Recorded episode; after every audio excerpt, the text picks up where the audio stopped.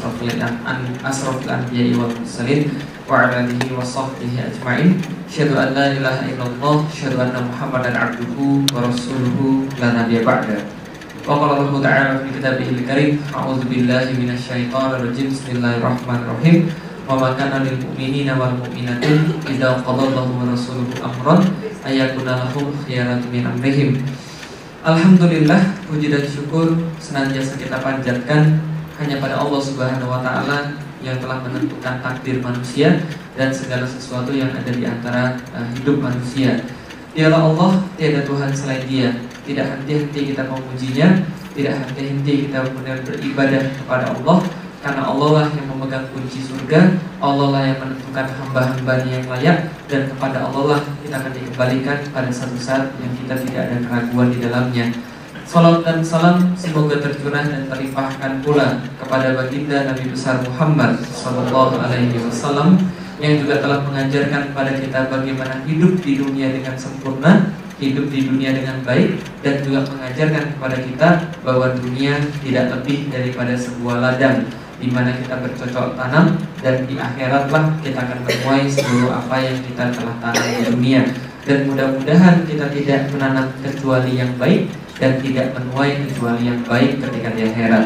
Alhamdulillah Bapak Ibu sekalian, jadi pada hari ini kita lanjutkan pembahasan kita. Jadi pembahasan saya Bapak Ibu sekalian itu bersistematis sehingga eh, mudah-mudahan Bapak Ibu sekalian selalu dapat hadir. Nah, pada hari ini kita sudah sorry kemarin-kemarin kita sudah bahas tentang bagaimana orang ini menuju iman, bagaimana bahwa Islam itu bukanlah sebuah keterpaksaan, juga bukan sebuah turunan, tapi sesuatu yang menjadi kita pilih. Kita tahu alasannya kenapa kita pilih Islam. Kemarin lagi kita sudah bahas bahwa Islam itu juga sebuah pilihan, bukan sebuah hal yang bersifat takdir. Nah, sekarang gantian kita bahas yang bersifat takdir. Karena ini pembahasan ini memang dianggap remeh. Tapi sayangnya gara-gara pembahasan yang salah tentang takdir Bapak Ibu sekalian, banyak orang yang mereka keimanannya tidak sempurna secara mereka tidak sadar. Karena sering kali takdir ini dijadiin kambing hitam Bapak Ibu sekalian dijadiin kambing hitam orang untuk tidak melakukan sesuatu atau tidak bisa melakukan sesuatu. Nah, karena itu ini pembahasan yang sangat penting dan memang agak lebih berat daripada pembahasan yang kemarin karena memang ini pembahasan ini sudah menjadi perdebatan di antara para ulama sejak munculnya uh, filsafat Yunani di dalam kehidupan Islam. Jadi gini Bapak Ibu sekalian, perlu saya kasih tahu, para sahabat tuh nggak pernah nanya tentang takdir. Sahabat tuh nggak pernah nanya tentang takdir, karena mereka semua paham tentang takdir, karena mereka hidup di zaman Rasul. Maka mereka tidak pernah tanya tentang takdir. Karena itulah mereka paham tentang takdir karena memang diajarkan langsung dari Rasulullah. Tapi di zaman kita beda. Banyak orang bertanya tentang takdir. Misal, takdir bisa dirubah nggak sih? Itu kan ya? Terus pertanyaannya lagi, apa memang takdir saya begini? Atau memang takdir saya begitu? Itu kan ya? Itu nggak ada pertanyaan dari zaman dulu. Pertanyaan kayak begitu baru datang ketika Islam itu menguasai wilayah-wilayah Persia dan wilayah-wilayah Yunani. Nah, ketika Islam menguasai wilayah Persia dan Yunani, jadi coba bayangkan Bapak Ibu sekalian, Islam itu dari nol, menguasai cuma Madinah doang. Yang Madinah itu nggak lebih besar daripada Jakarta. Tapi dalam jangka waktu kurang daripada 30 tahun, ya, kurang daripada 30 tahun, wilayah Islam itu meluas jadi 100 hari perjalanan kuda jadi kalau kuda jalan 100 hari nggak berhenti berhenti dari timur sampai ke barat, itulah kekuasaan Islam. Jadi bisa dibayangin ya, luasnya Islam itu sehebat apa ya, meluasnya cepat banget kan ya. Nah, karena cepat banget Islam ini meluas, ketika bersentuhan dengan Yunani, ketika bersentuhan dengan Persia, makalah uh, sorry, maka mulai muncul pertanyaan-pertanyaan. Tuhan itu sudah mentakdirkan sesuatu atau boleh kita pilih? Jadi orang jahat itu takdir atau jadi orang baik itu takdir? Dengan miskin kaya itu takdir atau pilihan dan sebagainya. Nah ini insya Allah akan kita bahas. Sebelum kita bahas uh, tentang takdir ini, saya ingin perkenalkan Bapak Ibu sekalian tentang seorang pemuda. Ada yang tahu? Pada waktu tahun 1966 lahir seorang anak dari daerah Bronx, New York. Kita tahu kalau andaikan kita lihat di dunia ini tempat paling berbahaya kan Amerika. The most dangerous place on earth itu adalah Amerika. Di antara daerah-daerah kriminal yang ada di Amerika, New York itu menempati hampir yang paling tinggi. Dan di kota New York ada satu wilayah yang sangat berbahaya, namanya daerah Bronx di New York. Itu daerah yang paling berbahaya. Ini anak lahir di sana pada tahun 1966 dan dia otomatis dibesarkan di jalan karena keluarganya adalah bapak ibunya broken home. Karena itu dia adalah anak broken home, kerjanya berantem di jalan setiap hari, maka dia tumbuh dengan kekerasan di jalan, Bapak Ibu sekalian. Apa yang dia lakukan setiap hari? Bertengkar dan berantem. Dan hebatnya, semua lawan yang dia berantem ini tuh semua kalah, Bapak Ibu sekalian. Karena dari kecil dia sudah terbiasa berantem, dia tumbuh menjadi orang yang memang bertangan besi dalam arti literally benar-benar bertangan besi. Ketika suatu hari ada seorang pelatih tinju namanya Kasdi Amato, lewatlah dia di daerah Bronx, kebetulan melihat anak ini berantem dan dia terkesima betapa cepatnya anak ini mengalahkan lawannya dengan tangan kosong. Berani mentalnya, wataknya kuat dan gak takut apa pun. Hari kedua dia lewat di daerah yang sama, dia lihat anak ini berantem lagi dan menang lagi Bapak sekalian. Dan hari ketiga dia lihat lagi anak yang sama berantem lagi dan menang lagi. Maka dia nggak bisa menahan rasa penasaran. Sebagai pelatih tinju, dia melihat ini ada sebuah talent, ada sebuah bakat yang bisa jadi kemudian bintang besar. Dia datangi anak ini, kemudian dia tawarkan, mau nggak kamu saya angkat menjadi orang jadi bintang? Bintang itu apa? Jadi punya banyak duit. Oke, dia ikut dilatih tinju dan kemudian masuklah ke dalam tinju profesional. Dan dia adalah orang pertama termuda yang mengawinkan gelar WBA dan WBC ketika umur 21 tahun. Yang sampai sekarang nggak ada yang menandingi. Dia kemudian jadi petinju luar biasa. 44 kali bertanding, 40 menang KO dan TKO. Dan gak jarang lawan-lawannya dihempaskan dalam waktu kurang dari satu menit.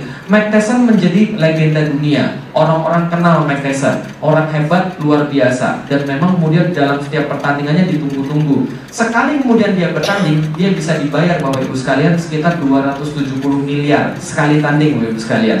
Dan dalam hidup dia, dia mengumpulkan kurang lebih 400 juta US dollar. Ibu sekalian, berapa? 400 juta US dollar. Nolnya ada berapa ibu sekalian? Berapa nolnya? 9 ya? 9 ya nolnya. Kalau di Indonesia kan berapa nih kira-kira ini? 3,6 triliun ibu sekalian. Satu triliun nolnya ada berapa ibu sekalian?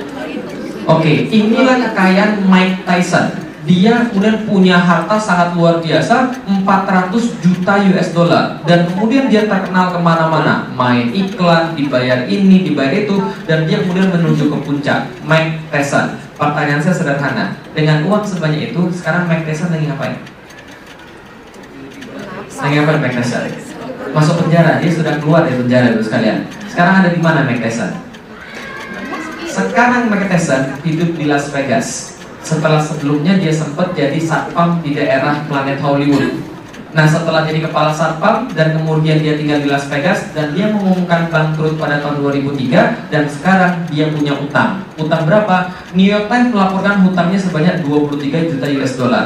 Belum termasuk pajak yang dia hutang di US dan Inggris sebesar 17 juta US dollar. Yang gak akan dia habis kemudian dibayar utangnya itu dengan pekerjaannya yang sekarang dia homeless, nggak punya rumah sama sekali, hidup terlantung-lantung dan kemudian nggak punya duit sama sekali. Akhirnya sekarang apa yang dilakukan oleh Mike Tyson? Dia sekarang buka talk show. Jadi dulu ditakuti di ring, pukul orang kemudian sampai mati, dia kemudian mengkanvaskan lawannya kurang daripada 30 detik sering kali, sekarang dia hidup dari kemudian komedi sekalian.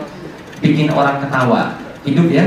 Dan kemudian itu hidup dengan pas-pasan film hangover. Dan kan ya beberapa yang kemudian bisa kita lihat. Ya walaupun alhamdulillah Mike Tyson sering juga datang ke masjid zaman sekarang. Nah, masjidnya ada di daerah Las Vegas namanya Masjid Asabur nah kemudian ini yang bisa kita lihat. Tapi coba kita lihat dulu sekalian. Awalnya miskin luar biasa. Kemudian melejit jadi orang kaya. Hampir-hampir paling hebat di dunia. Nggak ada yang ngalahin dia nggak ada yang berani sama dia. Duitnya berapa tadi sekalian 4 triliun Bapak sekalian hampir. Nolnya ada berapa? 12 Bapak sekalian. Nolnya aja nggak apa gimana bisa dapat kan? Nah 4 triliun Bapak sekalian. Nolnya sudah nggak jelas lagi. Duit yang nggak kita bayangkan. Tapi sekarang kemudian jatuh jadi miskin dan utangnya berapa? jutaan US dollar Bapak sekalian. Untuk kita lihat sekarang. Berarti coba kita lihat. Pertanyaannya sederhana. Itu takdir atau bukan? Bukan. Takdir atau bukan? Bukan. Oke, kalau gitu saya tanya lagi. Sebelum kita jawab, siapa ini? Elvis Presley yang tuh tahu 77 bulan tahu ini. Elvis Presley menjelma menjadi seorang pemusik populer. Dia menjadi orang yang paling hebat dalam legenda musik, King of Music kata orang. Dengan ya, sampai sekarang hartanya nggak habis-habis. Kenapa? Royaltinya masih terus jalan atas apa namanya lagu-lagunya dan duitnya banyak banget. Pertanyaan saya sederhana, dia nikmati nggak duit-duitnya itu? Sekarang ada di mana Elvis Presley? Yang kubur, tunggu yaumil kiamat kan itu kan ya? Pertanyaan saya sederhana, matinya gimana? Hah? Narkoba, baru sekalian. Matinya narkoba. Pertanyaan saya sederhana, mati dia narkoba itu itu takdir atau bukan? Takdir atau pilihan? Tentang-tentang baru kemarin dibahas hidup adalah pilihan. Oke, sekarang saya tanya lagi sesuatu yang membingungkan Bapak Ibu sekalian. Ini agak membingungkan.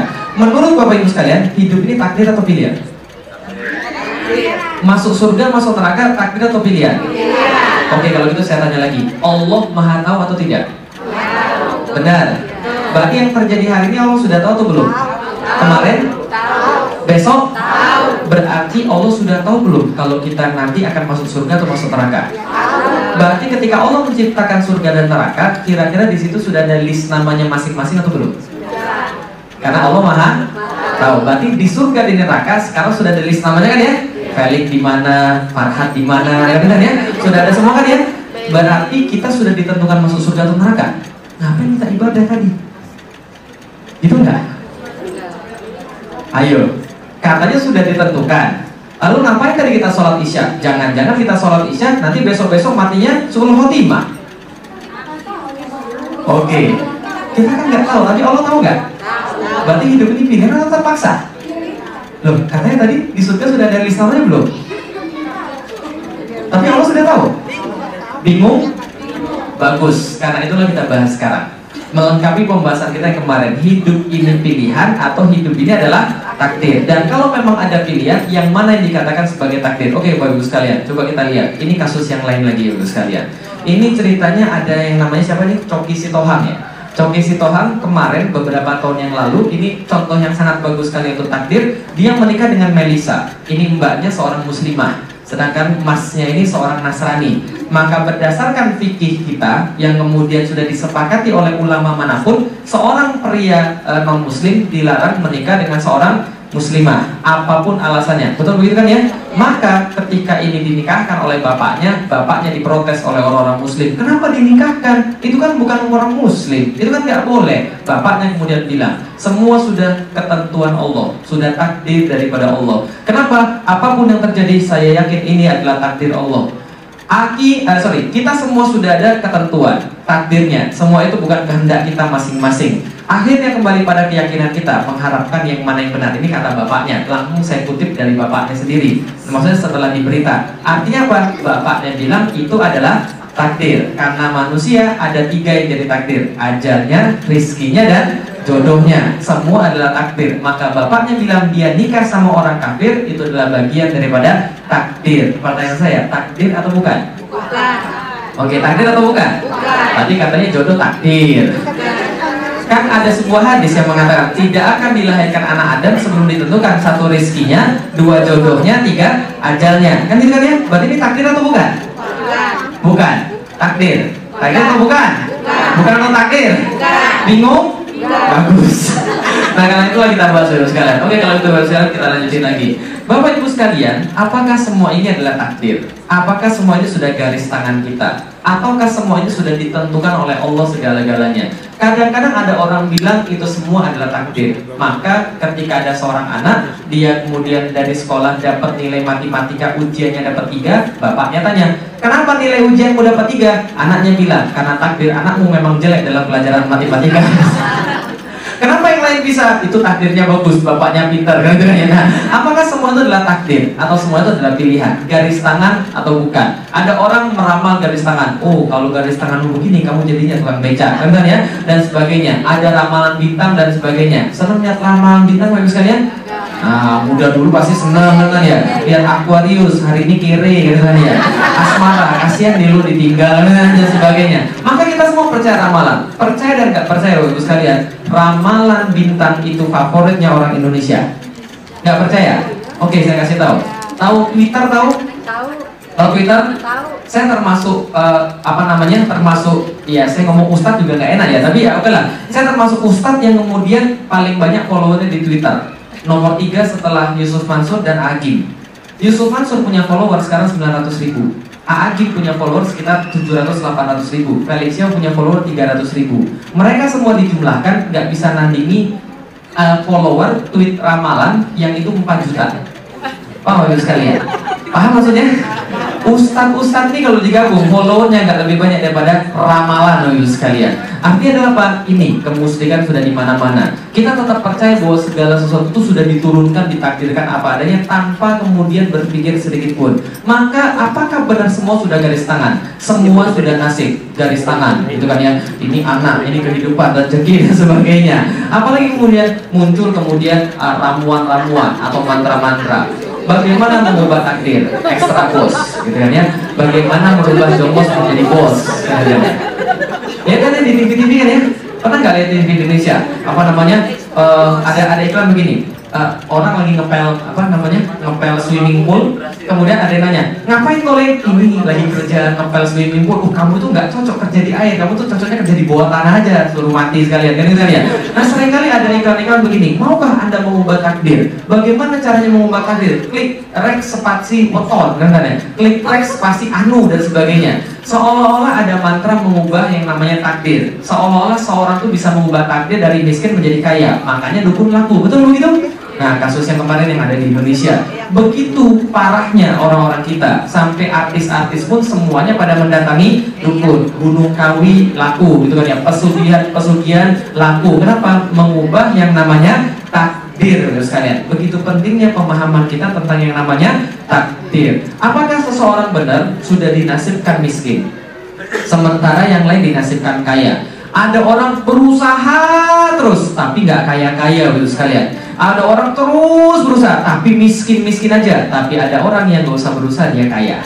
Ada orang yang diam-diam aja duitnya banyak. Nah, berarti benar itu adalah sebuah takdir, kan kan ya? Terus ada lagi yang bilang, apakah benar seseorang sudah ditakdirkan jadi karyawan, sementara yang lainnya ditakdirkan jadi direktur?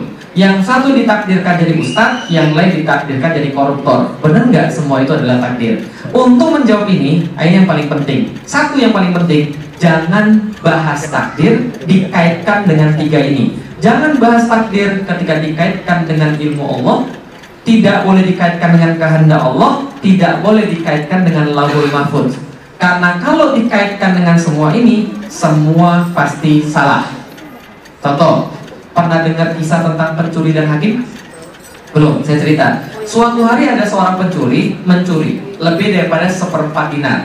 Menurut hukum Islam, karena sudah lebih daripada seperempat dinar, maka tangannya harus dipotong. Maka tatkala tangannya mau dipotong, pencuri dibilang, sebentar Pak Hakim, sebentar, sebentar, sebentar, saya mau protes dulu. Kan boleh saya proteskan ya? Kan Islam harus mendengarkan kata-kata saya. Iya, silakan kalau anda mau membela diri. Hakimnya kemudian mempersilahkan pencuri untuk membela diri. Andaikan Bapak Ibu, hakimnya, dewan jurinya, sorry, saya adalah tersangkanya, pencurinya. Sekarang coba jawab pertanyaan saya, Bapak sekalian. Bapak Ibu sekalian, dewan juri yang terhormat, apakah dewan juri percaya bahwa Allah Maha Tahu?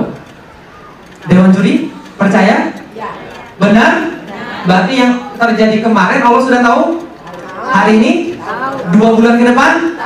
Berarti apa yang saya lakukan tadi pagi ketika saya mencuri itu Allah sudah tahu dari kemarin-kemarin.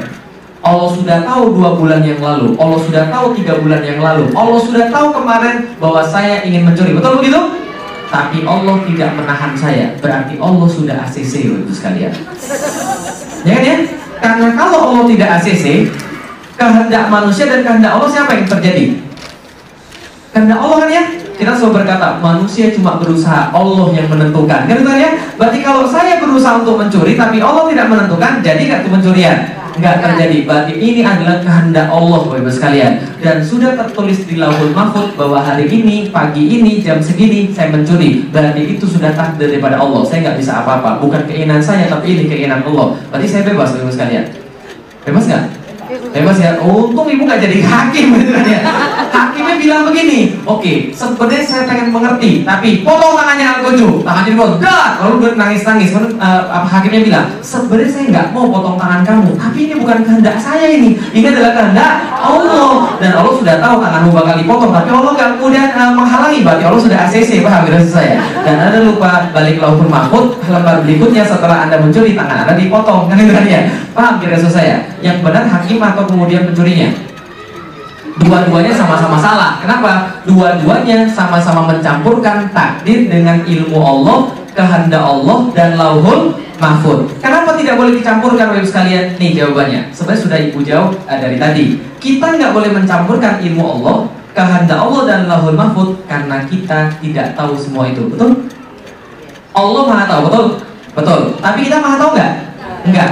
Allah maha berkehendak. Kita tahu nggak kehendak Allah apa? Tidak. Dan Allah kemudian menuliskan semua di lahul mahfud. Uh, Kita sudah pernah lihat lahul mahfud kita masing-masing? Enggak. Berarti karena kita tidak tahu, kita tidak bahas. Yang kita bahas adalah apa? Yang kita bahas adalah yang kita tahu saja. Apa yang kita bahas? Apakah manusia bebas untuk memilih atau manusia dipaksa untuk memilih? Itu saja. Maka berdasarkan dipaksa dan memilih ini ada dua kejadian pada manusia. Satu, di mana manusia bisa memilih, Dua, di mana manusia tidak bisa memilih. Di tempat di mana manusia bisa memilih, pasti Allah akan minta pertanggungjawaban. Kalau manusia tidak bisa milih, Allah tidak akan minta pertanggungjawaban. Selesai, gampangnya. Ingat ya. Jadi kalau kita bisa memilih, Allah akan minta tanggung jawab. Tapi kalau kita tidak bisa milih, Allah tidak akan minta tanggung jawab. Gak usah Allah deh, manusia aja begitu. Contoh, kalau ibu boleh nggak nanya saya, Mas, kenapa Mas Felix jadi laki-laki? Boleh nggak nanya begitu? Nggak boleh, karena saya nggak pernah milih. Itu kan ya, Mas kenapa matanya sipit? Boleh nggak ngomong begitu? Nggak boleh, karena saya nggak pernah milih. Tapi ibu dan bapak boleh tanya, kenapa saya pakai batik hari ini? Boleh nggak? Boleh, karena saya memilih untuk pakai batik. Kenapa nggak pakai peci? Saya bisa jawab, karena saya memilih untuk tidak pakai peci. Tapi kalau yang tidak bisa saya pilih, saya nggak akan minta dimintai pertanggungjawaban oleh Allah, apalagi ditanyai oleh manusia. Betul kan ya? Nah kalau gitu kita lihat Ada daerah di mana kita bisa memilih Karena itu kendali kita. Ada di mana itu di luar kendali Karena itu kita tidak dipaksa Sorry kita tidak uh, tidak ditanya Dan tidak berhak untuk men menjawab. Nah kalau gitu kita lihat. Nih daerah di luar kendali manusia. Misalnya tsunami Musibah. Ini daerah di luar kendali manusia. Maka kalau ini terjadi pada manusia, dia nggak akan ditanya oleh Allah. Kenapa? Mati gara-gara tsunami? Nggak akan ditanya oleh Allah. Karena ini adalah namanya musibah di luar kendali manusia. Tapi ada daerah-daerah di dalam kendali. Sorry, ini contoh lagi di luar kendali manusia, bukan di dalam. Di luar kendali. Lahir wajahnya ganteng, itu di luar kendali, bukan pilihan. Ada yang lain dengan wajah yang ganteng, ada yang lain dengan wajah yang pas-pasan. Itu juga di luar kendali, bapak sekalian. Makanya dalam perkara-perkara kayak begini, kita nggak usah banyak tanya, nggak perlu banyak protes, karena itu di luar kendali kita. Bisa dipahami. Kenapa hidung saya nggak mancung? Kenapa mata saya sipit? Itu gak usah ditanyain Karena itu di luar kendali Dan Allah pun tidak akan tanya Saya aja beriman walaupun wajah saya pas-pasan dulu sekalian. Uh, Tahu juga wajahnya pas-pasan. Iya saya sadar. Wajah saya pas-pasan. Dan pas-pasan itu yang paling enak buat sekalian. Pas-pasan tidak terlalu cakep tidak terlalu jelek. Kan ya? Pas-pasan mirip Tomingse gitu kan ya? Jadi kita Benar-benar kita lihat Bahwa perkara-perkara semacam ini Adalah yang namanya tak takdir. Apa itu takdir? Takdir adalah perkara yang sama sekali tidak dapat kita pilih dan itu Allah tidak akan minta pertanggungjawaban. Ya, ingat baik-baik kan ya? Allah nggak akan minta pertanggungjawaban. Contoh, hidung kita pesek. Allah minta pertanggungjawaban nggak? Loh, Allah nyiptain. Kenapa Allah minta pertanggungjawaban? Dan kalau kita rubah, malah Allah minta pertanggungjawaban. Paham ya? Ingat ya, apa yang nggak boleh dirubah? Perkara-perkara yang Allah kasih yang itu harus kita imani. Itulah yang dinamakan beriman pada takdir. Karena apa pun yang Allah kasih kita itu pasti baik. Jadi kalau kemudian ada yang lahir hidungnya kemudian peset, dia operasi baik-baik nggak ditanya malah jadi ditanya. Itulah manusia zaman sekarang aneh, ribet dalam perkara-perkara yang nggak ditanya Allah, tapi nggak ribet dalam perkara-perkara yang ditanya Allah. Paham ya saya? dia ribet badannya, dia ribet operasi ini, dia ribet operasi itu. Padahal ditanya Allah enggak? Enggak, yang dia enggak ribet amal perbuatan dia. Padahal itu yang ditanya Allah malah dah biarin aja. Kita kan hidup di Amerika. Amerika kan beda dengan Indonesia. Padahal ditanya Allah harusnya dia malah ribet di situ bukan ribet dalam perkara-perkara yang Allah tidak tanya. Bisa dipahami bapak ibu sekalian? Nah kalau itu kita lihat lagi. Itu contoh yang di luar kendali. Ini contoh yang di dalam kendali. Kalau daerah di dalam kendali manusia maka kita kayak kendarai sebuah mobil. Mobil itu ada setirnya. Betul begitu? Kita mau ke kiri bisa atau enggak?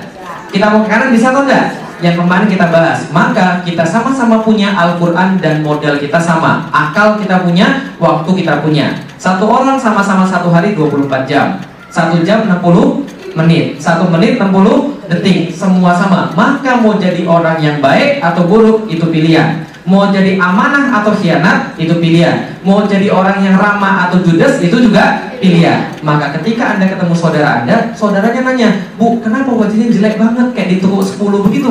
Ibunya bilang sudah takdir wajah saya begini. Benar atau salah? Salah. Itu pilihan bapak ibu sekalian. Gak ada orang yang ditakdirkan Allah wajahnya jelek kan kan ya. Ada pilihan mau senyum atau tidak senyum. Makanya senyum jadi ibadah. Kan gitu kan ya? Ini perkara pilihan. Nah kalau gitu bapak ibu sekalian. Orang mau baik orang mau buruk adalah perkara pilihan bukan perkara takdir contoh misalnya di Jakarta kemarin ditangkap seorang PSK.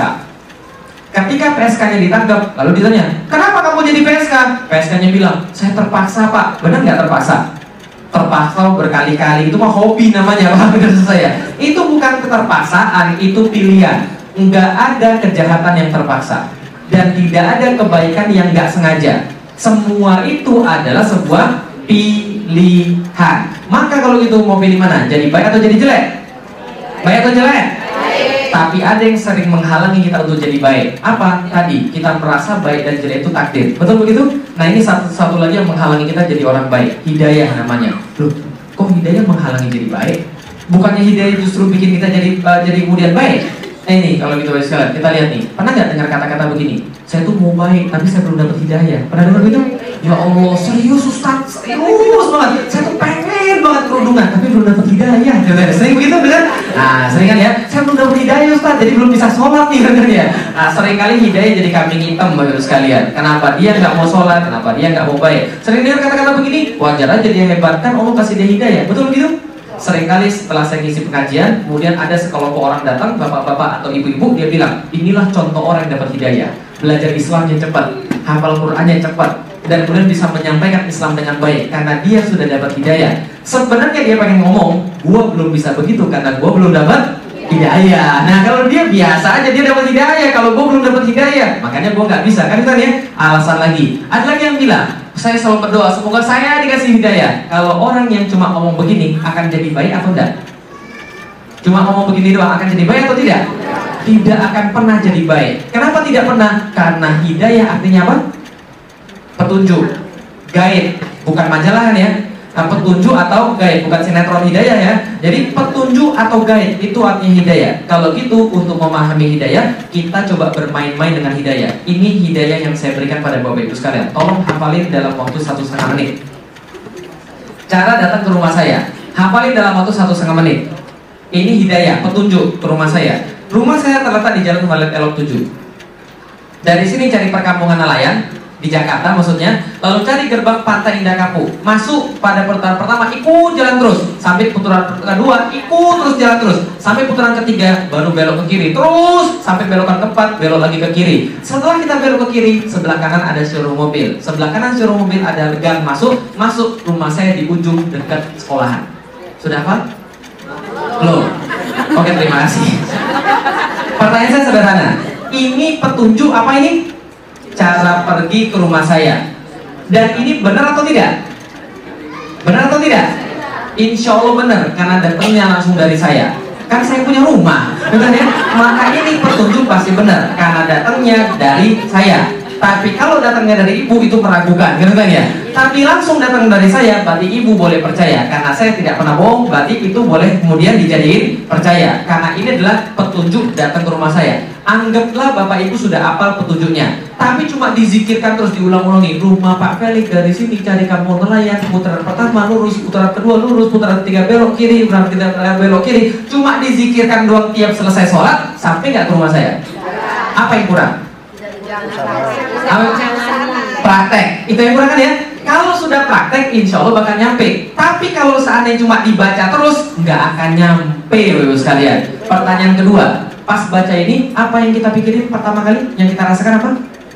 Jujur aja, pusing. Terus apa lagi kira-kira? Apa lagi? Puyap, ragu-ragu. Terus apa lagi? Bingung. Apa lagi? Apa?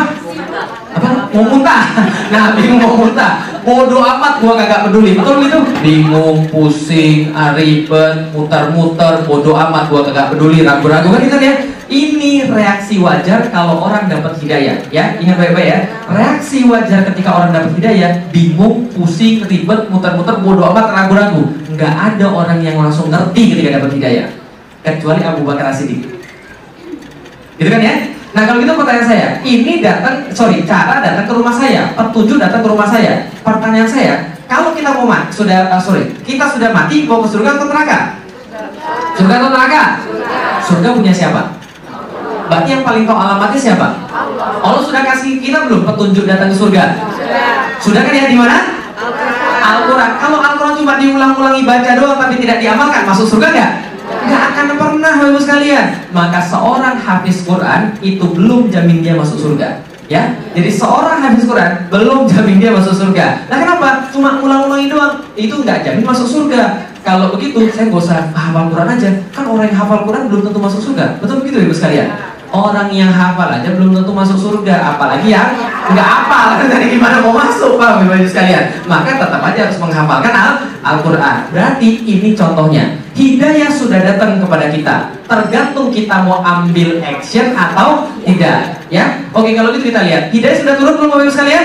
Sudah. Jadi mulai dari sekarang nggak boleh ada yang bilang saya belum dapat hidayah. Awas loh. Karena Allah sudah kasih kita hidayah. Wa nazalna alaikal kitabati tibyana likulli syai. Kami menurunkan Al-Quran menjelaskan segala suatu perkara Cara masuk ke dalam surga. Kalau gitu kita lihat lagi. Hidayah itu kayak mobil Ibu sekalian. Mobil kita lihat. Contoh kalau seandainya malam-malam nggak ada lampu sama sekali kebetulan Amerika sedang mati lampu seluruhnya. Jadi nggak ada lampu sama sekali dan gelap sekali. Anda dari sini disuruh pergi ke San Bernardino berani atau enggak?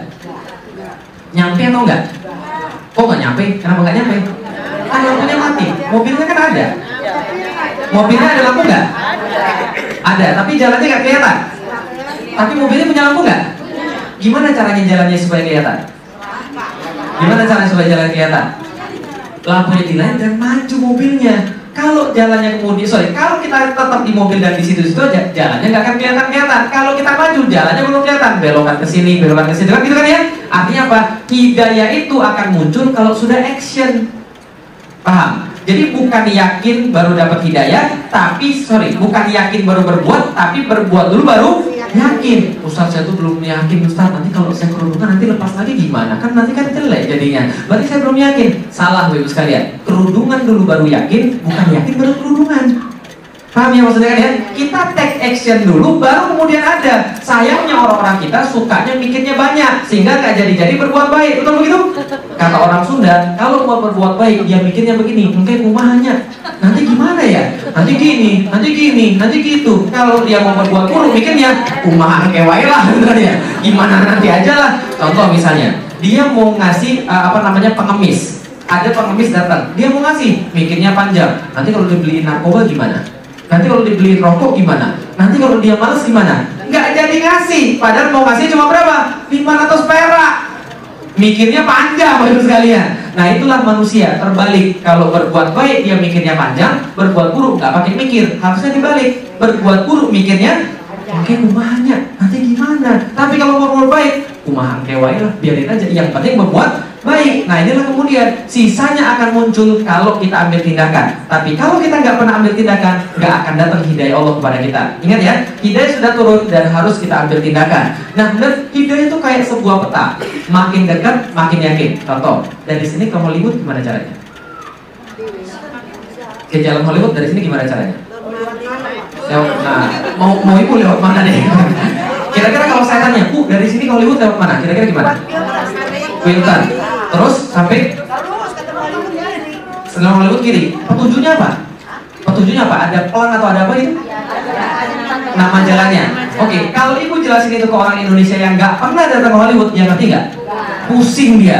Tapi kalau dia nggak ambil tindakan, dia akan semakin pusing. Tapi kalau kemudian dia ikutin, oke, menurut ibu lurus saja jalan Milton, terus kemudian belok kanan Hollywood, oke, dia lihat, oh ini pelang Hollywood, semakin yakin nggak ini jalan yang benar? Semakin yakin. Semakin dekat, semakin yakin. Bukan yakin duluan. Kan ya? Berarti lakukan dulu baru baru yakin. Nah, akan datang kemudian daripada Allah. Dan hidayah itu uh, syaratnya adalah tanya dan berkumpul dengan orang-orang yang tepat. Kalau salah berkumpul, salah dapat hidayah. Misal, kalau mau pergi ke sorry, kalau mau pergi ke Papua, tanya sama orang siapa? Orang Papua. Kalau mau pergi ke Bogor, tanya sama siapa?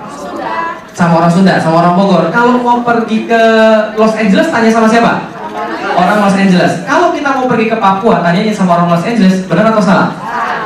Maka tanya dan berkumpul dengan orang-orang yang tepat.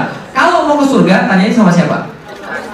Ustaz, Ustaz nggak pernah ke surga, woi sekalian. Tanya sama siapa kira-kira? Sama yang sudah pernah ke surga, Rasul. Makanya kalau kita nggak mau ikut Rasul, itu susah masuk surga.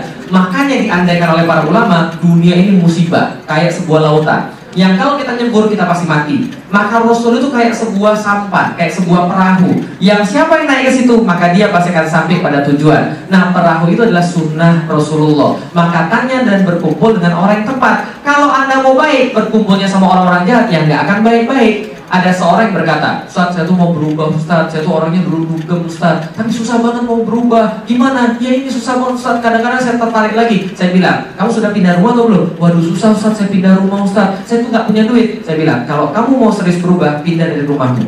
Kenapa? Pindah dari rumah berarti ganti teman. Itu kan ya? Ganti lingkungan. Tapi kalau dia mau berubah, dia di situ-situ aja, itu nggak serius namanya. Karena pasti akan ketarik lagi di situ-situ terus.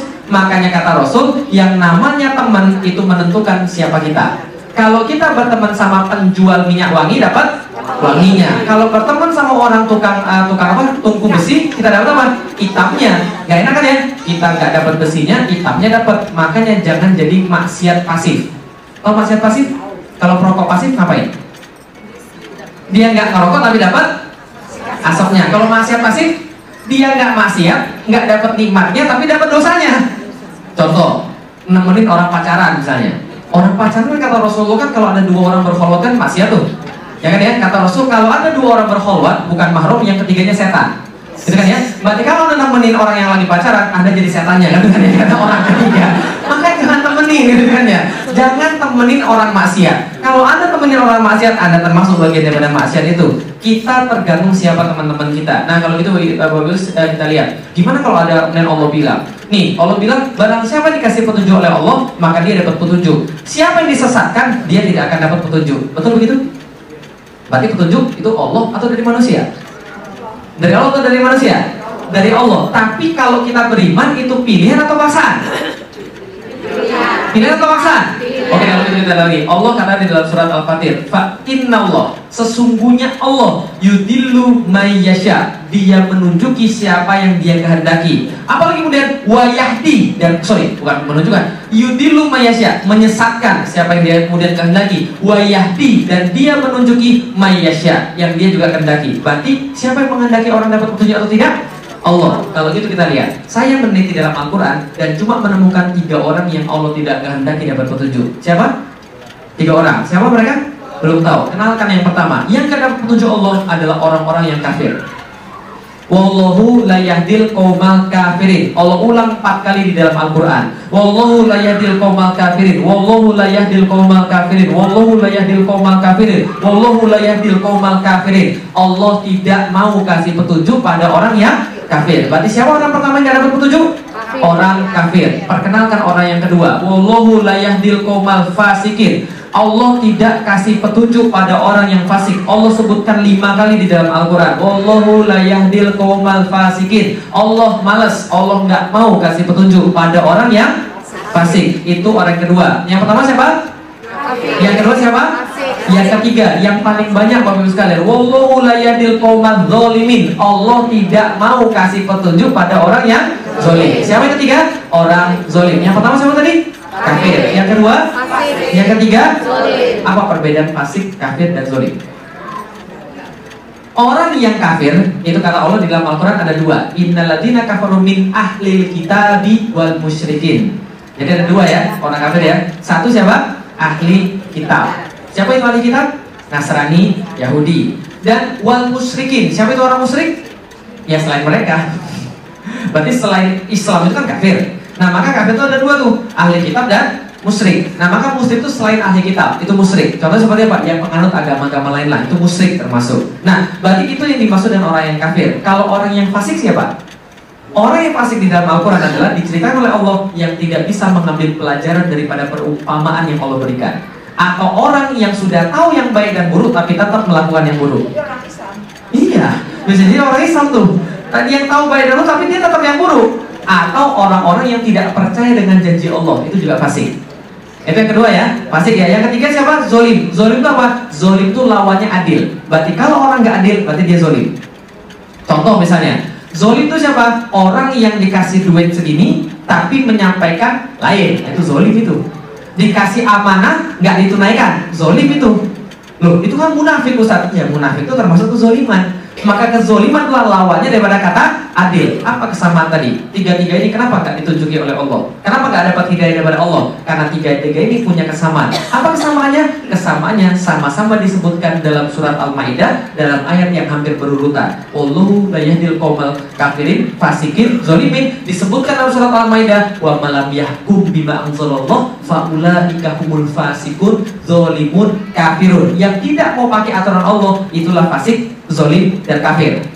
Kalau gitu kita lihat, inilah tiga orang yang tidak dapat petunjuk daripada Allah. Dan kalau kita lihat ini struktur kalimatnya, Allah tidak kasih petunjuk pada orang yang zolim. Maka coba dipikirkan baik-baik. Dia zolim dulu baru tidak dikasih petunjuk, atau tidak dikasih petunjuk jadi zolim. Zolim dulu. Yang mana? Zolim dulu tidak eh, baru tidak dapat petunjuk, atau tidak dapat petunjuk baru zolim. Zolim dulu. Berarti zolim, kafir, fasik itu pilihan atau paksaan Allah? Pilihan dia. Kalau dia berhenti daripada kekafiran, kefasikan dan kezoliman, Allah kasih petunjuk pasti. Ya kan ya? Felix Xiao dulu orang kafir. Itu kan ya? Tapi kenapa bisa jadi beriman? Nah, itu hidayah atau bukan? Nanti kita bahas. Tapi yang jelas, kenapa Allah kasih saya hidayah? Karena saya berhenti daripada kekafiran saya, kemudian berpikir tentang Islam, Allah kasih hidayah. Itu maksudnya. Maka Allah mau belajar. Itu harus berhenti dulu dari fasik, kafir dan zolim tadi. Lah makanya kita bertanya-tanya, kenapa kita belajar tapi nggak masuk-masuk? Kenapa kita belajar Islam tapi kemudian jadinya gitu-gitu aja? Mungkin gara-gara ini nih. Kita belajar Islam tapi kita masih fasik. Kita belajar Islam tapi kita masih zolim. Ilmunya mentah. Paham kita susah ya? Karena kenapa? Karena Allah nggak turunkan hidayah. Loh, kan tadi Allah sudah turunkan hidayah. Nanti kita bahas. Hidayah itu ada tiga. Nanti kita bahas. Nah kalau gitu kita lagi Bapak sekalian. Allah makanya mengatakan di dalam Al-Quran, Innallaha la yugoyiru ma biqaumin hatta yugoyiru ma bi anfusihim. Allah tidak akan merubah keadaan pada diri kita sebelum kita sendiri yang merubah keadaan kita. Berarti jadi baik atau jadi jahat itu pilihan atau takdir? Pilihan. Yang takdir yang mana dong Ustaz? Yang takdir yang mana? Yang nggak kita pilih. Felix lahir sipit, takdir rambutnya lurus takdir. Ada yang kemudian rambutnya lurus ada yang rambutnya keriting itu takdir. Ada yang sipit ada yang belok itu juga takdir. Ada yang kemudian putih ada yang hitam itu juga takdir. Ada yang ganteng ada yang enggak itu juga takdir. Itu bagian daripada takdir. Yang kita nggak bisa pilih. Uh, matahari terbit dari mana? Tenggelam di mana? Itu pilihan atau takdir? Pintar ya ibu sekalian. Segala sesuatu yang nggak kita pilih dan tidak dimintai pertanggungjawaban itulah takdir tapi sesuatu yang kita pilih dan yang akan diminta pertanggungjawaban itu pilihan, bukan takdir yang akan dihisap oleh Allah. Jadi itu yang kita bahas. Ya, oke kalau gitu kita lihat lagi. Nah, ini balik lagi. Hidayah ada tiga. Nah, habis bahas ini kita akan tahu pilihan atau takdir. ya. Jadi gini, hidayah itu ada tiga. Ini nafsu ibunya. Nah, jadi yang namanya yang namanya hidayah itu ada tiga ya sekalian. Satu namanya hidayatul fulki. Apa namanya? Hidayatul fulki. Hidayah itu petunjuk. Fulki itu penciptaan. Berarti hidayah yang turun bersama penciptaan manusia. Semuanya dapat. Mau dia adalah lahir di mana pun, dia lahir kapan pun, pasti dapat yang namanya akal. Apa ini kemudian dalilnya? Allah katakan di dalam surat Al-Balad, wahadainahu najdain.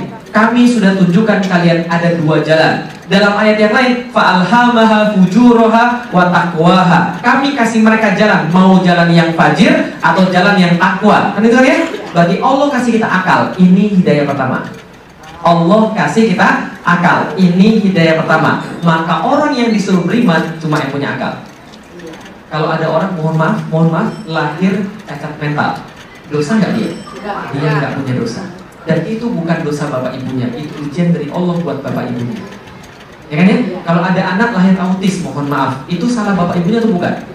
Bukan, itu ujian Allah untuk memuliakan bapak ibunya. Bagaimana bapak ibunya menghadapi anak itu? Gitu kan ya? Berarti dia akan dapat hisap Allah atau tidak? Anak yang lahir tanpa ada kemudian mental yang bagus, dia nggak akan dapat hisap Allah.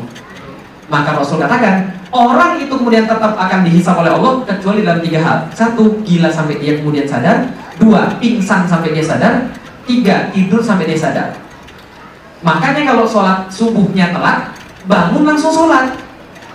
Jangan ditinggal, karena kita lagi tidur telat bangun udah jam 7 langsung sholat udah jam 8 langsung sholat karena kita lagi tidur. Tapi jangan tiap hari. Itu hobi namanya pak tidak selesai kalau Ustadz Malik itu kan tidak dihisap Allah iya tapi ya tiap hari. Kalau tiap hari itu namanya hobi pak tidak selesai ya? Masa tiap hari telat itu itu malu-maluin namanya gitu kan ya? Nah, itu contohnya. Jadi itu kalau bangun langsung udah sholat. Karena Allah mengangkat pena terhadap catatan malaikat. Orang gila sampai dia sadar, pingsan sampai dia sadar, dan orang tidur sampai dia bangun.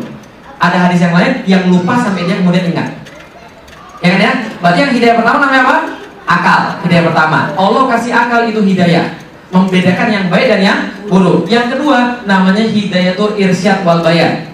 Susah banget ngapalin yang satu. Oke, gak usah diapalin. Allah kasih tahu di dalam Al-Quran surat uh, As-Sof ayat 9, "Huwallazi arsala rasulahu bil huda wa dinil haq." Allah turunkan bersama rasulnya huda, petunjuk, dan jalan yang benar, agama yang benar. Apa itu? Hidayah yang kedua, Al-Quran dan As-Sunnah. Oke, hidayah pertama tadi apa tadi? Akal. Yang kedua apa tadi? Al-Quran dan As-Sunnah. Dua-duanya sudah turun di depan mata kita. Yang ketiga yang belum turun, nih yang ketiga yang belum turun. Hidayah itu taufik namanya. Nah ini yang belum ada nih. Makanya kita minta setiap hari.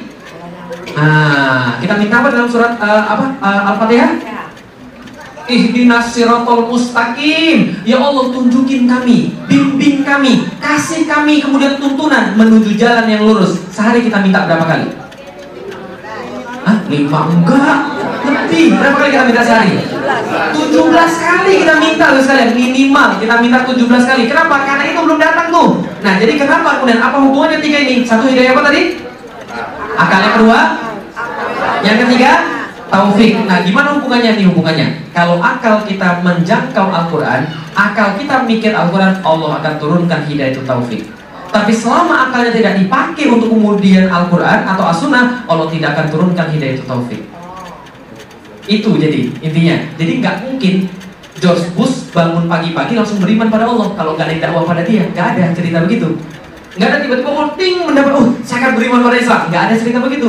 Nggak ada cerita orang kemudian nggak mau sholat tiba-tiba bangun pagi ini saya mau sholat pokoknya. Nggak ada cerita begitu. Harus ada kemudian tadi akalnya memikirkan kepada ayat-ayat Allah dan as-sunnah baru Allah turunkan hidayah. Untuk itulah gunanya dakwah. Kalau nggak ada yang dakwah pada Kali Xiao nggak akan masuk Islam. Tapi yang hidayah dari Allah, iya hidayah dari Allah. Tapi Allah baru turunkan kalau dia minta belajar juga. Hmm, betul, harus. Kadang-kadang orang Indonesia tidak mau pakai hukum sebab akibat, maunya langsung hidayah doang. Gitu kan ya? Ustaz, anak saya besok mau ujian Ustaz. Tolong dong Ustaz minta beli dan supaya anak saya bisa belajarnya. itu kan ya nggak mau pakai hukum sebab akibat minta doa ustadznya doang ustadz ini ustadz ini anak saya besok kemudian mau kerjaan ustadz tolong dong wiridan doanya gimana supaya nanti anak saya diterima kerja betul begitu ada pun orang tanya saya, Ustaz tolong dong Ustaz doanya wiridannya apa supaya jerawat saya hilang. Saya pergi dokter tahu katanya. Enak aja gitu kan ya. Minta wiridan kemudian jerawatnya hilang. Ini ada hukum sebab akibatnya ini yang harus diperbuat. Nah kalau mau dapat hidayah pada Allah, gunakan akal bagaimana memikirkan Al-Quran dan As-Sunnah. Maka insya Allah Allah turunkan hidayah pada kita. Maka Rasul berbicara kepada kita, sungguh menyenangkan orang yang mendapatkan karunia yang paling besar daripada Allah apa? Karunia terbesar daripada Allah pada seorang hamba kata Rasul adalah fakih fitin. Tahu maksudnya? Fakih fitin, dia paham dalam urusan agama karena Allah sudah turunkan kemudian persetujuan. Jadi taufik, hidayah itu taufik, taufik ini asal katanya wafak. Wafak artinya setuju. Makanya kalau orang Arab bilang saya setuju, anna muafik. Kan ya, Anda muafik, saya setuju dengan Anda. Nah, berarti taufik ini persetujuan Allah. Jadi banyak gini deh, kita kemudian mau dapat hidayah, kita belajar tuh terus menerus. Kita kemudian berusaha dapat hidayah. Allah kan, oke saya setuju kamu dapat hidayah, baru kita dapat. Tapi kalau kita maksiat terus, Allah nggak setuju kita dapat hidayah. Walaupun kemudian ada hidayah di depan mata kita. Gitu ya? Nah sama kayak orang-orang tua, orang tua saya misalnya, dia belum muslim, kenapa? Saya sudah jelasin akal pada dia. Saya sudah jelasin mengenai wahyu pada bapak saya, tapi belum turun hidayah itu taufik. Kenapa? Karena dia belum mau. Berarti itu bukan urusan saya lagi. Makanya betul kata Allah, innaka latahdi man ahbabta. Sesungguhnya kalian tidak dapat menurunkan hidayah pada orang yang kalian cintai. Walakin Allah, tapi Allah dia lebih mengetahui siapa yang berhak mendapatkan hidayah atau tidak, karena Allah tahu apakah dia menggunakan akalnya untuk mencapai hidayah. Jelas ya? Jadi jangan berharap anak kita tiba-tiba baik, kalau sekarang dia nggak baik, kalau kita nggak jelasin pada dia. Kalau kita nggak berbuat sesuatu pada dia, kalau kita nggak membuat suatu langkah untuk kemudian memperbaiki dia, karena hidayah Allah tidak turun cuma-cuma. Jadi kan ya, hidayah Allah turun ketika akal kemudian mengindra wahyu. Nah itulah yang kemudian namanya hidayah kemudian yang kita cari. Maka kita punya akal, Allah turunkan Al-Quran. Kalau kita kemudian mengindra akal, ada tiga jenis. Satu, yang menerima Al-Quran jadi muslim. Dua, yang menolak jadi kafir. Tiga, yang setengah-setengah jadi munafik. Jelas ya? Nah, itu tentang hidayah. Oke, ada pertanyaan? Silahkan. Ada? Silahkan kalau ada. Masih bingung? Masih bingung? Berarti jadi orang muslim atau kafir itu pilihan atau takdir? Oke, sebagai pamungkas, oke sebelumnya sebagai pamungkas supaya ibu lebih jelas lagi, nih ada sebuah hadis. Rasul katakan, tidak ada seorang pun dari kamu sekalian atau tidak ada satu jiwa pun yang hidup kecuali Allah tentukan kedudukannya di dalam surga atau dalam neraka. Tuh, loh, tadi Ustaz bilang pilihan. Nah ini hadisnya berarti sudah ditentukan masuk surga masuk neraka serta apakah dia seorang yang sengsara atau sebagai orang yang bahagia? Oh, berarti sudah ditentukan kita bahagia atau sengsara. Kata Rasul sudah. Kemudian sahabat bertanya, loh, kalau gitu kalau semua sudah ditentukan, kalau semua sudah tahu masuk surga atau neraka, ngapain kita beramal? Ngapain kita beribadah? Rasul jawab begini, barang siapa yang telah ditentukan sebagai orang yang berbahagia, maka dia mengarah sebagai perbuatan orang berbahagia. Siapa yang telah ditentukan sebagai orang yang sengsara, dia mengarah sebagai perbuatan orang yang sengsara. Ini yang paling penting, beramallah karena setiap orang akan dipermudah. Ini yang paling penting ingat, beramallah karena setiap orang akan dipermudah. Adapun orang yang ditentukan sebagai orang yang berbahagia, dia dimudahkan melakukan amalan berbahagia. Apabila dia ditentukan sebagai orang yang sengsara, dia dimudahkan melakukan amal sengsara. Kemudian Allah membacakan surat Al-Lail ayat 5 sampai 10. Fa amma man a'to wa Siapa yang memberikan sebagian hartanya, suka bersedekah, Ingat baik-baik ibu-ibu sekalian, ini penting bagi ibu-ibu sekalian karena penghuni neraka banyak wanita kata Rasul kecuali bersedekah. Ya, jadi banyak-banyaklah sedekah. Nah, jadi uh, fa amma man wa taqo, siapa yang memberikan hartanya dan kemudian dia bertakwa pada Allah. Fasai fasanu yassiruhu lil yusra. Allah permudah jalan yang menuju kebaikan. Yang di bawah, wa amma man bakhila wastaghna. Siapa yang bakhil? Tahu bakhil? pelit gitu kan ya, medit gitu kan ya. Siapa dia? Yang merasa bahwa hartanya bisa melindungi dia, yang merasa bahwa kemudian dia nggak perlu ngasih pada orang lain, yang merasa bahwa Allah itu nggak bisa ganti duit dia lebih banyak lagi. Nah itulah kemudian orang-orang yang bakhil, yang nggak mau mengeluarkan untuk kebaikan. Ketika kemudian ada kemudian apa namanya uh, proposal masjid, dia tahan duitnya. Tapi ketika beli kemudian barang-barang, wow loyalnya minta ampun, tas 30 ribu dolar, gitu ya. tas mulai 500 sorry 5 ribu dolar, tapi masjid 2 ribu dolar eh, itu sorry bukan 2 ribu, 200 dolar itu susah. Gitu ya. Ini orang-orang orang yang bakhil, wastahna dan merasa cukup dengan dirinya. Dia merasa kekayaan dia bisa melindungi dia daripada azab Allah. Maka kemudian dia ini wakadzdzaba bil husna, pasti dia mendustakan kebaikan-kebaikan yang Allah telah sediakan bagi dia. Apa yang terjadi bagi dia? Fayasanu yasiruhu lil akan disediakan dimudahkan jalan menuju keburukan. Berarti adalah apa? Takdir itu Allah sudah tentukan tapi kita tidak tahu. Yang kita lakukan adalah beramallah kebaikan maka takdir kita akan dipermudah. Selesai. Kalau gitu takdir bisa dirubah nggak? Kita nggak tahu bisa dirubah atau nggak. Jangan salah lagi. Contoh, saya pegang tangan apa nih? Saya pegang, uh, pegang tangan apa? Sekarang saya ganti dengan tangan apa? Kiri. Oke, sekarang coba. Sekarang, sekarang sebentar. Sekarang sebentar. Saya pegang pakai tangan apa sekarang? Tangan belakang. Kanan atau kiri? Kiri kanan. Kiri atau kanan? Kiri. Sekarang dirubah ke mana? Belakang. Sekarang dirubah ke mana? Nggak tahu. Kenapa? Kenapa ibu nggak tahu? Karena ibu nggak tahu saya pegang awal di tangan mana dan akhirnya di tangan mana. Karena itu kita nggak tahu berubah kan ya. Tapi kalau kita tahu awal dan akhir, kita tahu itu berubah. Ya kan ya? Bagaimana kita tahu takdir kita berubah atau tidak kalau kita nggak tahu awal dan akhirnya? Contoh, silaturahim memperpanjang rezeki. Eh sorry, memperpanjang umur. Ada orang suka silaturahim nih ceritanya nih. Maka sebelum dia mati dia bilang, Nah, ketahuilah, Bapak harusnya mati umur 60 tahun. Tapi gara-gara Bapak sering silaturahim, Allah panjangkan umur jadi 80 tahun. Benar nggak dia panjang 20 tahun gara-gara silaturahim? Belum tentu. Gitu kan? Karena dia nggak tahu takdirnya apa, gitu kan ya? Artinya adalah apa? Ya silaturahim memang memperpanjang rezeki, lakukan saja, tapi jangan dihubung-hubungkan sama memperpanjang berapa lama umurnya. Paham? Karena kita nggak tahu awal dan kita nggak tahu akhir, maka takdir itu tidak berubah.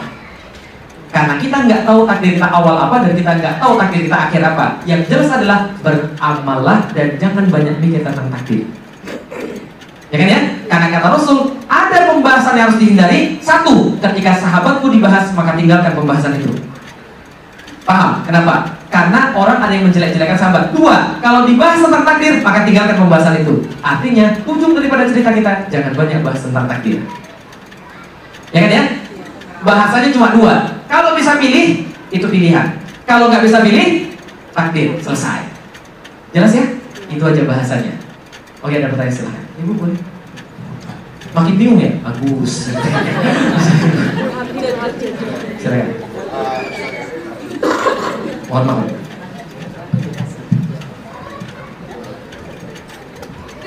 Ya, silakan, silakan. Assalamualaikum warahmatullahi wabarakatuh. Waalaikumsalam warahmatullahi wabarakatuh. Uh, Ustaz, bagaimana kalau Ya. menghadapi orang Mhm. sekarang seperti Ustadz ini disebut hidayah atau kuat. Tapi Ustadz kan mau belajar kan? Ya. Iya kan? Mhm. Nah sekarang ada orang tapi nggak mau belajar. Ya. Bagaimana kita mau, mau mem- membawa dia ke jalan yang benar gitu loh. Dia Sedangkan ada dia hidayah. udah berpikir positif jelek tentang Islam. Ya. Sedangkan dia ada di lingkungan kita gitu Betul. ya. Maksudnya ada di lingkungan kita tapi kita mau bilang dia supaya jadi Islam udah alergi banget gitu Hmm. sama Islamnya Ya. udah paling jelek nah Mhm. jadi apakah kita bilang tunggu aja ntar hidayah datang sedangkan dia nggak mau belajar Iya. Terus gimana belajar ya? nah, gimana dapat hidayah kalau dia nggak mau belajar Oke. karena Ini, hmm. paling enggak kan keluarganya berdoa dong mudah-mudahan Hmm. ini keluarga saya Dapat hidayah. hidayah nah Ya. dari mana itu dapat hidayahnya Betul. Terima kasih. Ibu tahu ketika saya masuk Islam apa yang terjadi pada bapak saya dan ibu saya? Ngamuk ibu sekalian. Kenapa dia ngamuk? Karena bapak ibu saya itu benci dengan Islam dan saya paham tentang itu. Kenapa saya paham? Karena saya pernah jadi orang non Muslim dan saya pernah diperlakukan jelek sama orang Muslim. Jadi sebenarnya yang kita benci itu bukan Islam, tapi Muslim. Tapi karena kemudian kita sangka itu adalah praktek daripada Islam yang ngajarin, maka kita benci Islam. Ya, jadi sebelum kemudian saya Muslim, saya tahu bagaimana rasanya. Saya punya nenek, nenek saya tuh benci banget sama Islam. Muslim sebenarnya. Ketika kemudian saya pindah agama, dia bilang begini, Lik, kamu boleh masuk agama apa pun asal jangan Islam. Kenapa? Karena saya ceritain seperangkat kemudian kejelekan-kejelekan orang Muslim. Dan saya kemudian mengalami juga memang begitu. Yang seperti saya sudah ceritakan kemarin. Nah, tapi kemudian ketika saya masuk Islam, bapak saya kemudian saya ajak diskusi tiga tahun baru merubah pandangan dia tentang Islam. Tiga tahun. Diskusi setiap minggu minimal tiga jam. Untuk kemudian mengorek pemikiran dia yang salah dan kemudian mengganti dengan pemikiran yang bagus. Tapi bapaknya Ustaz sudah masuk Islam? Belum. Karena itulah tidak ada formula yang pasti top tier dalam berdakwah. Tugas kita, sorry, tugas kita cuma ngasih yang mana di sini? Tugas kita cuma ngasih yang sebentar. Tugas kita cuma ngasih yang ini dan ini. Tapi yang ini itu kehendak dia dan kehendak Allah. Artinya apa? Kalau tugas kita di sini sudah kita kemudian kasih, itu insya Allah benar. Nah, gimana kemudian cara merubah orang-orang kayak begini, yang kemudian dia keras kepala, sudah kemudian benci dengan Islam? Saya kasih tahu ibu sekalian, cara merubah opini orang tentang sesuatu ada dua cara. Satu, banyaknya kuantitas. Dua, tingginya kualitas. Contoh, kalau ada orang yakin 100% bahwa Islam itu jelek, yang harus kita sampaikan adalah perbanyak kemudian informasi pada dia bahwa Islam itu tidak jelek. Karena orang berpikir tergantung apa yang sering dia dengar. Contohnya kayak contohnya begini, nih contohnya nih, apa pun makanannya minumannya, apa pun makanannya minumannya, Teh botol. sosro. Kenapa bisa mikir begitu? Karena kita sering dengar. Maka yang kita sering dengar itu yang menjadi pikiran kita. Ya kan ya? Nah, yang kedua, kualitas. Kualitas argumen. Yang pertama, kuantitas argumen. Seberapa banyak kita dakwah sama dia? Kuantitas argumen. Yang kedua, kualitas argumen. Kualitas argumen apa? Ketinggian argumen kita. Contoh, ibu saya pernah bilang begini, udah lik, nggak usah pergi jumatan, percuma aja pergi jumatan. Kan Tuhan maha tahu tentang hatimu. Yang penting hatimu aja baik, nggak usah pergi jumatan. Sekarang ikut mami pergi puncak. Saya bilang apa? Mi, Allah yang mengajarkan saya untuk hormat pada mami dan saya nggak boleh bantah sedikit pun Allah juga mengajarkan agar saya taat pada dia jadi kalau mami mengadukan saya dengan Allah sorry berat saya harus milih Allah Kemudian ibu saya bilang, uh kamu tuh terlalu ekstrim. Semua agama tuh sama. Apa yang saya jawab? Benar nih, semua agama sama. Benar, semua agama sama. Yaudah mami masuk Islam aja. Ambil saya. Kan sama.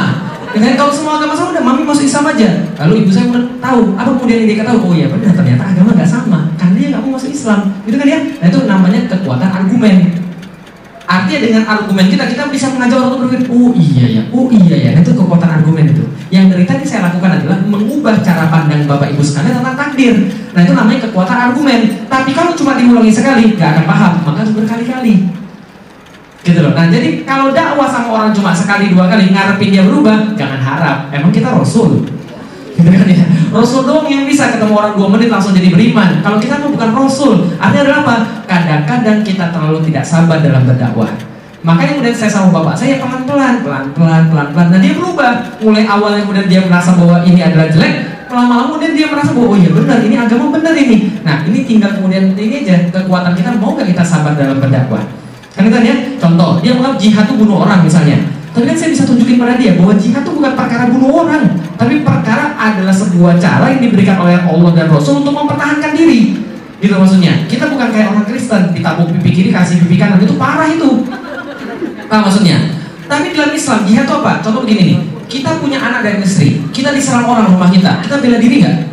Kalau kita malah menyerah, itu sama aja mengorbankan anak istri kita. Nah jihad itu begitu ceritanya. Ada sebuah metode perlindungan diri itu maksudnya. Nah, ada juga metode penyebaran agama yang ketika mendapatkan hal-hal fisik. Kan gitu ya? Nah, kita jelasin pelan-pelan, kita jelasin pelan-pelan. Dia kemudian mengira bahwa Islam itu kemudian kasar. Kita jelasin pelan-pelan. Pi, begini loh ceritanya. Pi, begini loh ceritanya. Dia lihat dari kita bahwa kita berlaku baik dan sebagainya. Itu menjadi dakwah bagi pada daripada dia. Kita jelasin bahwa kita nggak pernah benci Nabi Isa, kita nggak pernah benci Yesus dan kita nggak pernah benci orang kafir. Kenapa? Karena kita sebenarnya sayang, makanya kita dakwah. Kita kasih tahu, Pi tahu nggak di dalam Islam kita nggak boleh ngomong lebih tinggi suara daripada orang tua. Dan kalau orang tua bilang apa, kita harus menurut. Kita nggak boleh bantah. Walaupun orang tua salah, kita nggak boleh bantah sedikit pun. Karena kenapa? Walaupun orang tua salah, nggak boleh bantah di situ. Tapi kita bisa rubah dengan cara yang lain. Kita punya etika di dalam Islam. Dan dia nggak mendapatkan itu dari anak-anak yang lain. Itu kan pada dia kan ya. Pelan, pelan, pelan, pelan, pelan, pelan, pelan, pelan. Nah itu jadi tuh. Jadi kalau kemudian kita kemudian mau mendakwai orang, dia nggak berubah-berubah. Bisa jadi satu memang dia bebal, tapi seringnya kita nggak sabar. Iya tuh ya. Iya memang begitu. Nah makanya Rasulullah sabar ketika dakwah karena kita nggak tahu kapan kemudian dia mendapatkan hidayah. Ingat ketika Rasul ditanya saat mana yang paling menyedihkan dalam hidupmu ya Rasulullah? Rasul jawab ketika saya berdakwah ke Taif. Ketika saya berdakwah ke Taif, jadi Rasul itu ketika itu ditinggal oleh istrinya Khadijah, sedih banget ya? Oh itu sedih luar biasa. Ditinggal lagi oleh pamannya, meninggal, sedih luar biasa lagi. Maka saat itu dia mencari perlindungan pada orang-orang Taif. Wahai orang Taif, terimalah Islam, tegakkanlah Islam dan saya jadi pemimpin Anda. Apa yang kemudian orang Taif lakukan? Dia mencaci Rasulullah, menyuruh anak-anak lemparin batu pada Rasul. Jadi banyak anak-anak yang lemparin pada batu pada Rasul sampai kakinya Rasul itu berdarah di sini mengalir ke bawah. Sampai kemudian dikatakan bahwa kainnya Rasul itu jadi berwarna merah. Jadi kainnya Rasul itu caranya Rasul berwarna merah. Kemudian Rasul jalan sampai suatu tempat Rasul duduk di bebatuan dan kemudian berdoa sama Allah. Tahu apa doanya? Doanya bukan mencaci maki orang-orang itu, bukan ya Allah azablah mereka, hancurkan mereka. Tidak begitu. Yang Rasul bilang apa? Ya Allah, aku meminta maaf kepadamu atas kelemahan diriku dan juga kekurangan usahaku. Itu doa Rasul menyalahkan dirinya. Kenapa dirinya nggak bisa mendakwah pada orang? Dan kemudian datang malaikat. Rasul tuh sudah siap di situ, malaikat penjaga gunung. Kalau mau ditimpakan gunung itu pada mereka, kami sudah siap. Tinggal perintahnya aja. Oke, oke kita jatuhin gunung pada mereka itu. Rasul apa? Tidak. Aku mengharapkan mereka tidak tahu. Tidak, mereka tidak tahu. Aku mengharapkan muncul daripada keturunan mereka orang-orang yang membela Islam. Dan doa Rasul dikabulkan. Anak mereka semuanya masuk Islam tuh. Ceritanya. Jadi generasi berikutnya. Kalau nggak bisa dilihat nggak apa-apa generasi berikutnya. Karena itu udah dakwah Islam. Jadi ya itulah kemudian dakwah bersabar. Karena kita nggak tahu benih yang kita tanam munculnya kapan. Ya kan? Nah, dan itu terjadi. Saya punya anak binaan, adik binaan muslim. Saya kemudian menemukan dia kemudian di, di, di kampus. Pas saya bina itu rambutnya gondrong. Ini orang Padang nih ceritanya. Cowok rambutnya gondrong, kemudian kerjaannya musik melulu. Jadi duit untuk beli speaker aja kerjanya. Jadi duit dia habis jutaan beli speaker, uh, speaker bagus sekalian. Suruh nyumbang infak, kasihnya dikit kan saya, wah kesel kan. Tapi orang kita sabar ngajarin dia, kita ajarin ini begini begini. Sholat subuhnya susah banget karena tidur nggak bisa bangun-bangun. Akhirnya kemudian saya bilang apa? Udah kamu sekosan sama saya sini, sekamar dengan saya. Walaupun sekamar dengan saya, tetap susah juga bangun subuhnya, tetap dakwanya males-malesan. Ah, saya mulai, saya mulai abis abis akal. Gimana nih kemudian saya mendidik anak ini? Sudah kemudian sekamar sama saya, sudah saya kasih kemudian setiap hari motivasi, sudah saya ajarin setiap hari. Ternyata kapan berubahnya tahu bapak sekalian? Berubahnya bukan di tangan saya ternyata. Setelah saya keluar dari kampus, saya lulus, dia kemudian ditangani sama orang lain, berubah 100%. Jadi orang paling hebat di kampus. Jadi uh, punggawa lah di kampus. Dalam hati saya, benar, kita nggak tahu kapan benih yang kita tanam itu muncul. Yang jelas yang kewajiban kita apa? Tuh yang kewajiban kita tuh. Perbanyak kemudian argumen-argumen akal, sampaikan wahyu Allah pada dia, biarkan kemudian dia mikir dan Allah kemudian memberikan wahyu pada dia. Insya Allah. Yang penting kalau kita ini doang nih, bukan ini. Karena ini adalah haknya Allah nih. Haknya kita cuma dua ini. Ya, jadi kira-kira begitu. Oke, ada pertanyaan lagi silahkan. Silahkan ada. Kalau ada silahkan. Silahkan ibu. Boleh mic-nya digeser? Bapak-bapak sabar pak ya. Ladies first. Hmm. Assalamualaikum. Waalaikumsalam warahmatullahi wabarakatuh. Maaf sebelumnya Pak. Ya. Eh, tentang hidayah. Mhm. Kemarin Bapak bercerita mengenai teman Bapak Ya. yang yang Bapak surprise lah menjadi seorang seorang Ya. Eh, saya juga melihat Mhm. eh, tayangan Bapak mengenai eh, picture daripada tukang beca Mhm. segala. Ya. Eh, saya mengingat surah Al-Jumat Ya. ayat 53 Mhm. wa anibu ila rabbikum Mhm. wa aslimu lahu min qabli an ya'tikum Mhm. azab summa la tasurun Ya. um, Artinya?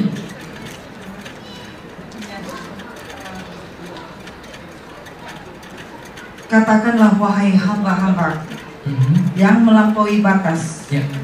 janganlah kamu berputus asa dari rahmat Allah Ya. sesungguhnya dialah maha pengampun lagi maha penyayang Ya. Em, begini Pak Silakan. Bapak eh, mengatakan kemarin eh, tentang seseorang yang Mhm. kalau dengar azan eh, apa namanya Al-Jumu'ah ayat berapa ibu? ayat 53 53 Kok nggak ada di Nggak bahasa ada, nggak ada sampai Salah kali ya. sampai sebelah saya. Nah. وَأَنِبُوا إِلَى رَبِّكُمْ وَأَسْلِمُوا لَهُ مِنْ قَبْلِ أَنْ يَأْتِيكُمْ عَذَابٌ ثُمَّ لَا تَنصُرُونَ Ya. Mungkin bukan bukan bukan Jumu'ah ya. Az-Zumar Az-Zumar. Az-Zumar Ya. 53. Oke. Ya, em, seperti Bapak kan mengatakan di tukang becak Pak ya, Ya. gambar tukang becak.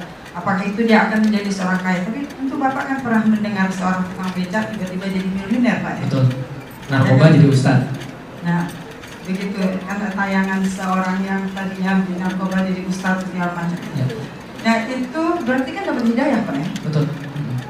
Eh, lalu Bapak mengatakan ah tidak mungkin yang kemarin itu Bapak cerita mengenai seorang yang Jadi dapat bicara. hidayah karena karena mendengar azan. Ya. Nah, bagaimana juga yang ke, eh, terjadinya kemarin September 11 yang Ya. sebanyaklah masuk Islam. Karena azan. Nah, itu berarti Bapak tidak eksis dong Pak. Kalau Bapak kalau cerita Bapak, Bapak mengatakan bahwa Bapak se, eh, apa namanya mendapatkan hidayah. Mhm. Tapi yang lain itu berarti tidak eksis dong. Kalau Bapak katakan ah, karena mendengar azan dia menjadi seorang muslim. Ya. Bisa deh Pak. Oke, itu aja. Baik, terima kasih. Ini adalah ayatnya. Eh, kul eh, kul ya ibadi eh, katakan wahai kemudian hamba-hambaku alladzina asrafu yang kemudian tusrif yang mereka kemudian sarofa ber, eh, berlebih-lebihan melampaui batas dalam kemudian diri mereka sendiri. Jangan berputus asa dari rahmat Allah. Wala jadi maksudnya jangan berputus asa daripada rahmat Allah ini adalah orang-orang yang kemudian sering berbuat dosa. Sering nggak kita kemudian mendengar ada orang "Sh, saya udah nggak diterima lagi deh kemudian sama Allah. Saya sudah kemudian banyak dosanya saya malu minta sama Allah. Itu orang berputus asa. Katanya Rasul sorry bukan kata Rasul.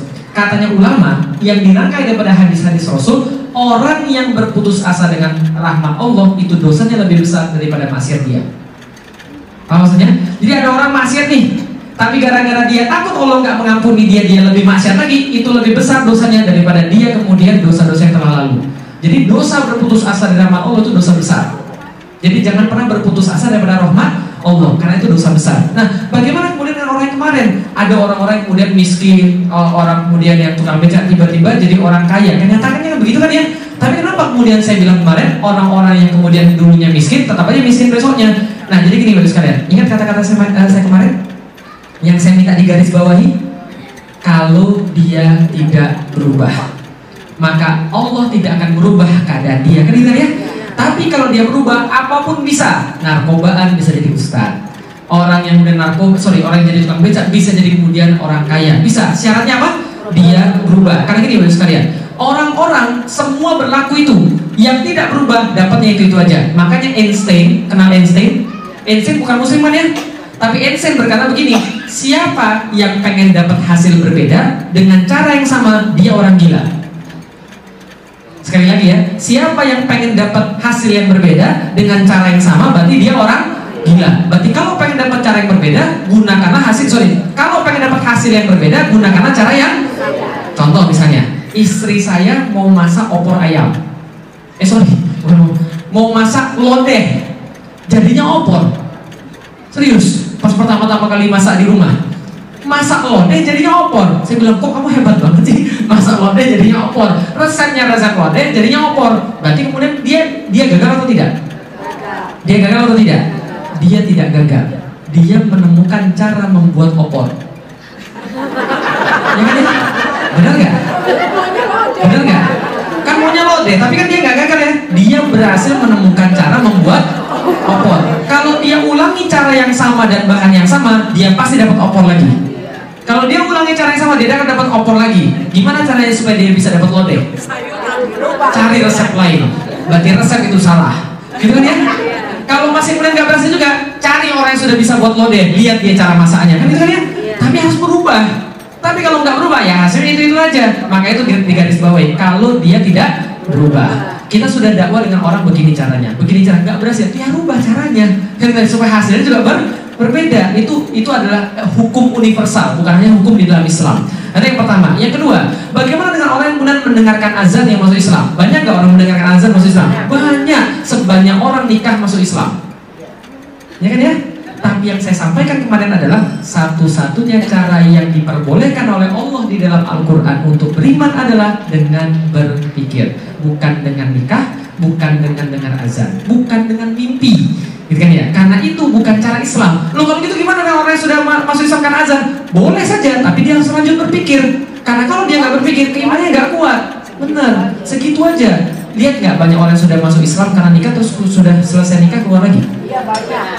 Itu karena apa? Karena dia nggak berpikir. Lihat nggak banyak orang kemudian mimpi lalu masuk Islam, dia keluar lagi setelah kemudian masuk Islam. Banyak. Maka ketika saya ditanya, suatu hari ketika saya diwawancari, Ustaz masuk Islam gara-gara apa? Saya masuk Islam karena berpikir. Bukan Ustaz, maksud saya kejadian spiritual gitu, yang fenomenal gitu. Maksudnya gimana? Ada cahaya yang menir terang gitu, atau mimpi dan sebagainya. Saya bilang saya nggak mau dengan begitu-begitu. Nah kenapa? Kalau kita masuk Islam gara-gara begitu, apa bedanya kita dengan orang-orang yang lain? Setelah saya masuk Islam, Tiga minggu setelah saya masuk Islam, ibu saya ngasih saya CD. Nih nonton di CD. Apa nih Mi? Wow, saya lihat kes, uh, judulnya apa? Kesaksian Pendeta Yosua Yasin. Saya masih ingat banget. Dan itu cerita ada seorang ustadz masuk ke dalam agama Kristen, Katolik. Dan kemudian setelah saya nonton, eh sorry sebelum saya nonton saya bilang begini, Mi taruhan. Ini dia masuk uh, Kristen pasti kalau nggak gara-gara duit, dua gara-gara wanita, tiga gara-gara mimpi. Ternyata setelah saya nonton begitu, oh bener, saya benar bermimpi. Dulu saya ustadz kata dia. Ketika saya ustadz, saya nyuruh orang bakar-bakarin gereja. Saya bilang, oh, ketika jadi ustadz dia sudah salah kan dia. Suruh bakarin gereja orang itu kan salah. Nah, nah. Terus dia bilang, tapi suatu malam saya bertemu dengan Tuhan Yesus bermimpi dan sebagainya. Saya katakan, alah, kalau ini cuma alasannya saya bilang sama ibu saya, sorry nih, tapi kalau saya ketemu dia bukan saya sombong, tapi kan saya patahkan argumennya dalam satu kali ngomong. Ini kan kontrak argumen. Lalu apa yang mau saya bilang? Saya mau bilang sama dia, Apakah kalau saya mimpi ketemu Michael Jordan, lantas Tuhan saya Michael Jordan? Paham ya saya? Berarti kan bukan itu kemudian menyebabkan kita beriman. Kita beriman karena kita berpikir, bukan karena mimpi. Kalau kita mimpi hari ketemu Yesus, besok ketemu dengan Buddha, ya kita keluar lagi. Kan ya? Kalau kita hari ketemu Muhammad mimpinya, besok ketemu yang lain, kita keluar lagi. Dan hati-hati, belum tentu ketika kita mimpi merasa ketemu Rasulullah Muhammad, itu benar Rasulullah Muhammad. Loh, tapi kan setan tidak bisa menyerupai Rasulullah Muhammad. Itu berlaku pada zamannya uh, sorry, pada zamannya sahabat. Kenapa? Zamannya sahabat Bapak Ibu sekalian mereka melihat Rasul dengan mata dan kepala mereka sendiri. Karena itu mereka tahu siapa Rasulullah dan siapa yang bukan. Kalau kita sudah pernah ketemu Rasulullah bukan? Buktinya kemarin ada orang bilang saya, Ustaz semalam saya ketemu Rasulullah mimpi, serius, serius. Tapi kok saya bingung, bingungnya kenapa? Kenapa Rasulullah di mimpi saya nggak jenggotan ya? Ya, capek. Paham gak maksud saya? Makanya kata Rasul mimpi itu ada tiga. Kata Rasul ya, mimpi itu ada tiga. Satu bagian kenabian, yang jelas bukan kita Karena kita bukan nabi. Kalau Rasul mimpi itu kenabian tuh. Yang satu adalah bagian kenabian Dua adalah kemudian bunga tidur Yang ketiga gangguan setan. Maka kalau punya mimpi buruk jangan diceritakan Karena itu gangguan setan. Ya, jadi kalau mimpinya orang beriman mungkin benar. Karena itu adalah kemudian bagian daripada ilham yang Allah berikan. Tapi kayaknya jangan deh, jangan jangan dulu ke situ deh karena bisa bahaya. Gitu kan? Karena kita orang biasa.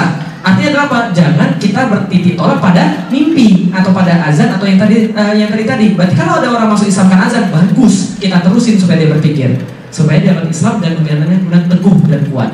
Nah jadi kira-kira begitu. Karena banyak orang punya keimanan dengan banyak cara. Ada yang keturunan, ada yang karena azan, ada yang karena menikah. It's okay, it's okay, nggak ada masalah. Tapi kita tambahin materi yang kemarin supaya mereka jadi imannya jadi kuat karena Allah. Oke, okay? clear? Clear. Gambar, silakan. Lain lain, betul. Oh boleh, silakan bapak. Oh iya silakan. Sorry pak ya, menjadi bolak balik. ya malahnya banyak. Berarti besok besok lari berkilo-kilo. silakan. Ada? Silakan kalau ada. Boleh. Silakan, last one.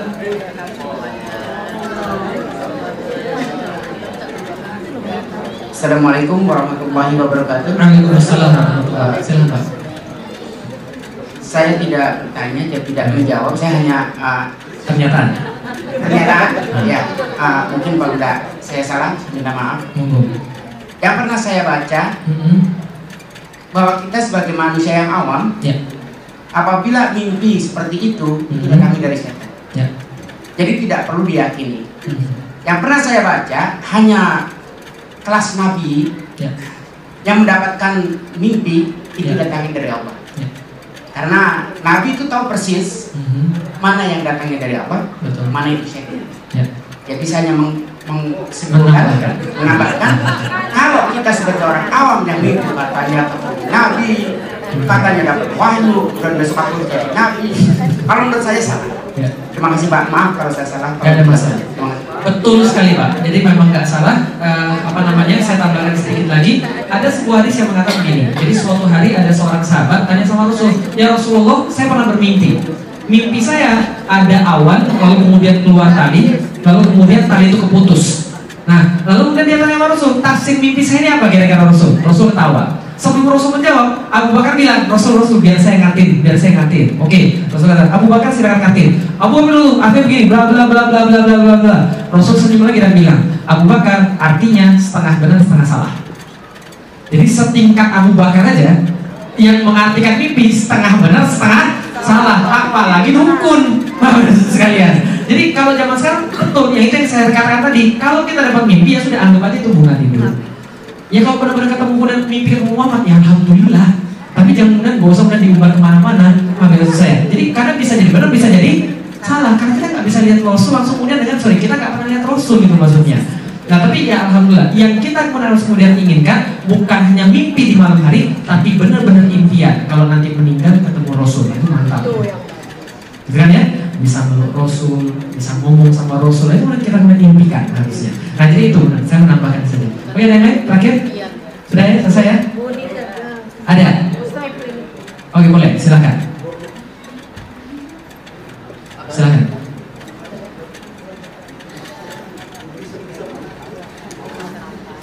Silakan, silakan. silakan. Assalamualaikum. Waalaikumsalam warahmatullahi Ini Ya. soal mimpi lagi. Boleh. Ini saya minta maaf. Apa, apa? Apakah mimpi bisa untuk ini Iya, STSB? maksud saya Ya, boleh. kan saya menderita penyakit kanker. Jadi waktu Ya. saya mau dioperasi kan, Mm-mm. saya tuh mimpinya eh, bukan mimpinya ketemu sama ayah ibu saya sudah. Ya. Dan sesudah itu, setiap saya menderita sakit lagi, Mhm. Itu sering datang lagi. Jadi maksud saya, saya tahu itu bukan mimpi. Ya. Tapi kenapa saya harus mimpi orang yang sudah meninggal? Ya. Saya sering mimpi orang sudah meninggal. Saya sering mimpi nenek saya, saya sering mimpi orang yang sudah meninggal, dan itu biasa. Karena kenapa? Mimpinya bukan tidur. Dalam artian yang kita bisa mimpiin hanyalah yang ada di kepala kita. Yang aneh mimpiin orang lain yang nggak pernah kita kenal. itu aneh adanya. Tapi kalau mimpinya kita kenal, apalagi ibu sendiri ya bagus lah. Karena apa? Tandanya apa? Karena kita menghargai dia. Ya kan? Dia dalam ingatan kita dan sebagainya itu nggak ada masalah. Artinya adalah apa? Mimpi tidak perlu dijadikan sebagai tolak apa pun, tapi dijadikan sebagai yang pengingat aja. Oh, berarti ya kita harus lebih banyak mendoakan dia, bersedekah atas nama dia, gitu kan? Ataupun dia melakukan segala macam amal-amal kebaikan, agar kemudian dia mendapatkan amal-amal yang baik juga. Karena anak yang beramal soleh dia juga dapat apa yang dia pesankan lakukan. Dan itu kan dia dapat amalnya juga, insya Allah. Jadi kira-kira gitu. Oke, clear ya? Oke, yang terakhir untuk sekalian karena ini sudah sudah malam, saya punya buku yang pertama judulnya Beyond Inspiration. Ini buku di Indonesia harganya enam puluh ribu rupiah. Eh, sekarang sudah memang sorry ketika dicetak pertama kali bestseller di apa namanya Islamic Book Fair 2011 dan materi-materi kemarin Do itu Believe dan kemudian Get dan Easier yang sekarang tentang takdir dan lain semuanya besok juga nanti ada materi lagi semua dari buku ini juga nah bukan promosi bukan tapi buku ini hari ini mau saya jual dengan harga yang spesial pada orang istimewa. Nah kan kemarin saya tanya nih mau jadi orang biasa istimewa kan ibu-ibu bilang dan bapak-bapak bilang mau jadi orang istimewa nih. Nah ini mau saya jual dengan harga yang istimewa. Ya permainannya adalah gampang bagi sekalian. Yang sudah pernah tahu mainan ini nggak boleh ikutan. Yang belum tahu mainan ini boleh ikutan. Bu Emi nggak boleh ikutan ya, awas ya. Karena, karena Ibu Emi sudah lihat di Las Vegas. Nah ini tidak boleh kemudian yang sudah ikutan nggak boleh ikut. Nah ini Jangan bilang-bilang ibu awas Nah ini adalah kemudian buku akan saya jual dengan harga istimewa Mau? Maunya berapa? Harganya 60 ribu kalau di Indonesia Kira-kira maunya berapa? Di Indonesia masih banyak Di sini saya jual dengan harga Sorry, saya bawa sini terbatas Jadi cuma dua di sini jatahnya Kira-kira mau berapa? 20 dolar Saya nggak mau jual dengan harga 20 dolar Kira-kira berapa? Berapa kira-kira? Menurut ibu pantasnya berapa? Menurut bapak pantasnya berapa? 10, saya nggak mau jual dengan 10 apalagi kalau belajar saya nggak mau. Free, there is, not, uh, there is no such thing as free lunch. Mau berapa kira-kira? 50, saya nggak mau jual 50 berapa? nggak mau. Oke, berarti baik-baik untuk sekalian. Saya mau jual dengan harga 75 setengah sen. 75 setengah sen. Kan harga spesial. 75 setengah sen. Saya nggak mau naikin dan saya nggak mau turunin harganya. Saya mau 75 setengah sen 75 setengah sen dalam duit Amerika. Ya bukan duit di kertas bukan. 75 setengah sen. Saya nggak mau naikin harga saya nggak mau turunin harga.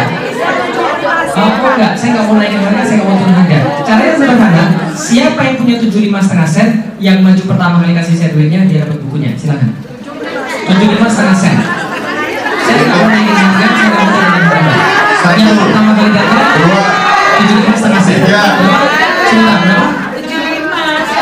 Berapa? Enggak, tujuh lima setengah sen Ini kan tujuh lima sen Kurang ini sen Tujuh lima setengah sen Setengahnya mana? Tujuh lima setengah sen Bukan tujuh lima dolar loh. Tujuh lima setengah sen Berapa? Setengahnya mana? Oke, satu sen Terus eh, setengahnya Setengahnya gimana terus? Terus gimana nggak?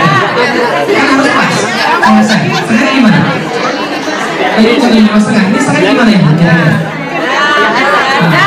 Tujuh lima setengah sen. Oke, tujuh lima setengah sen. Ini gimana nih? Kasihan kita nggak punya.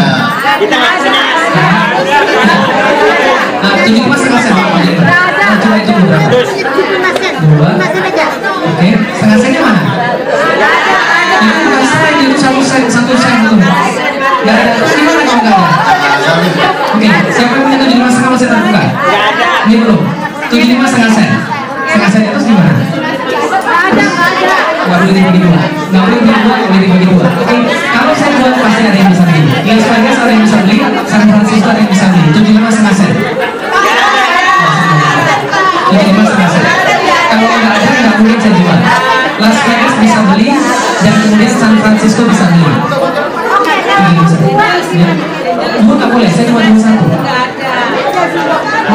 Enggak,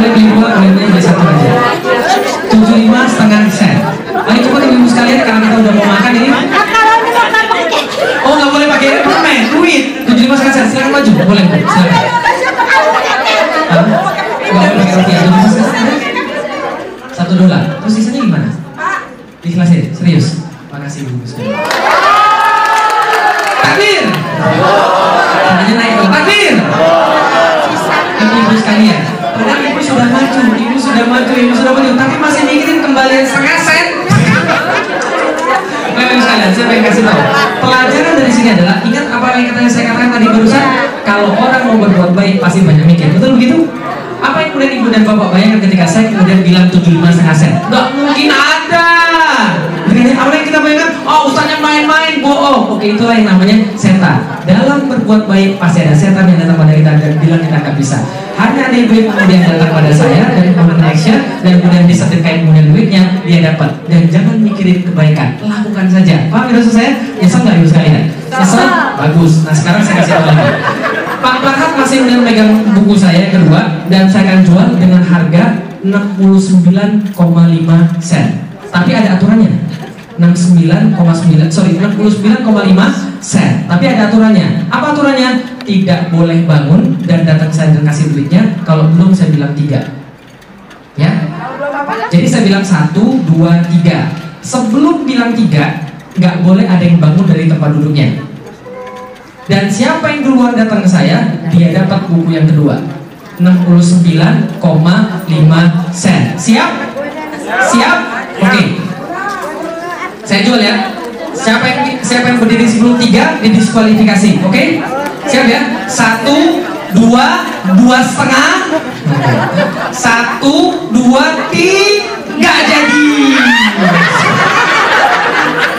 Pelajaran kedua bapak sekalian, kesempatan tidak datang dua kali. Terima kasih. Assalamualaikum warahmatullahi wabarakatuh.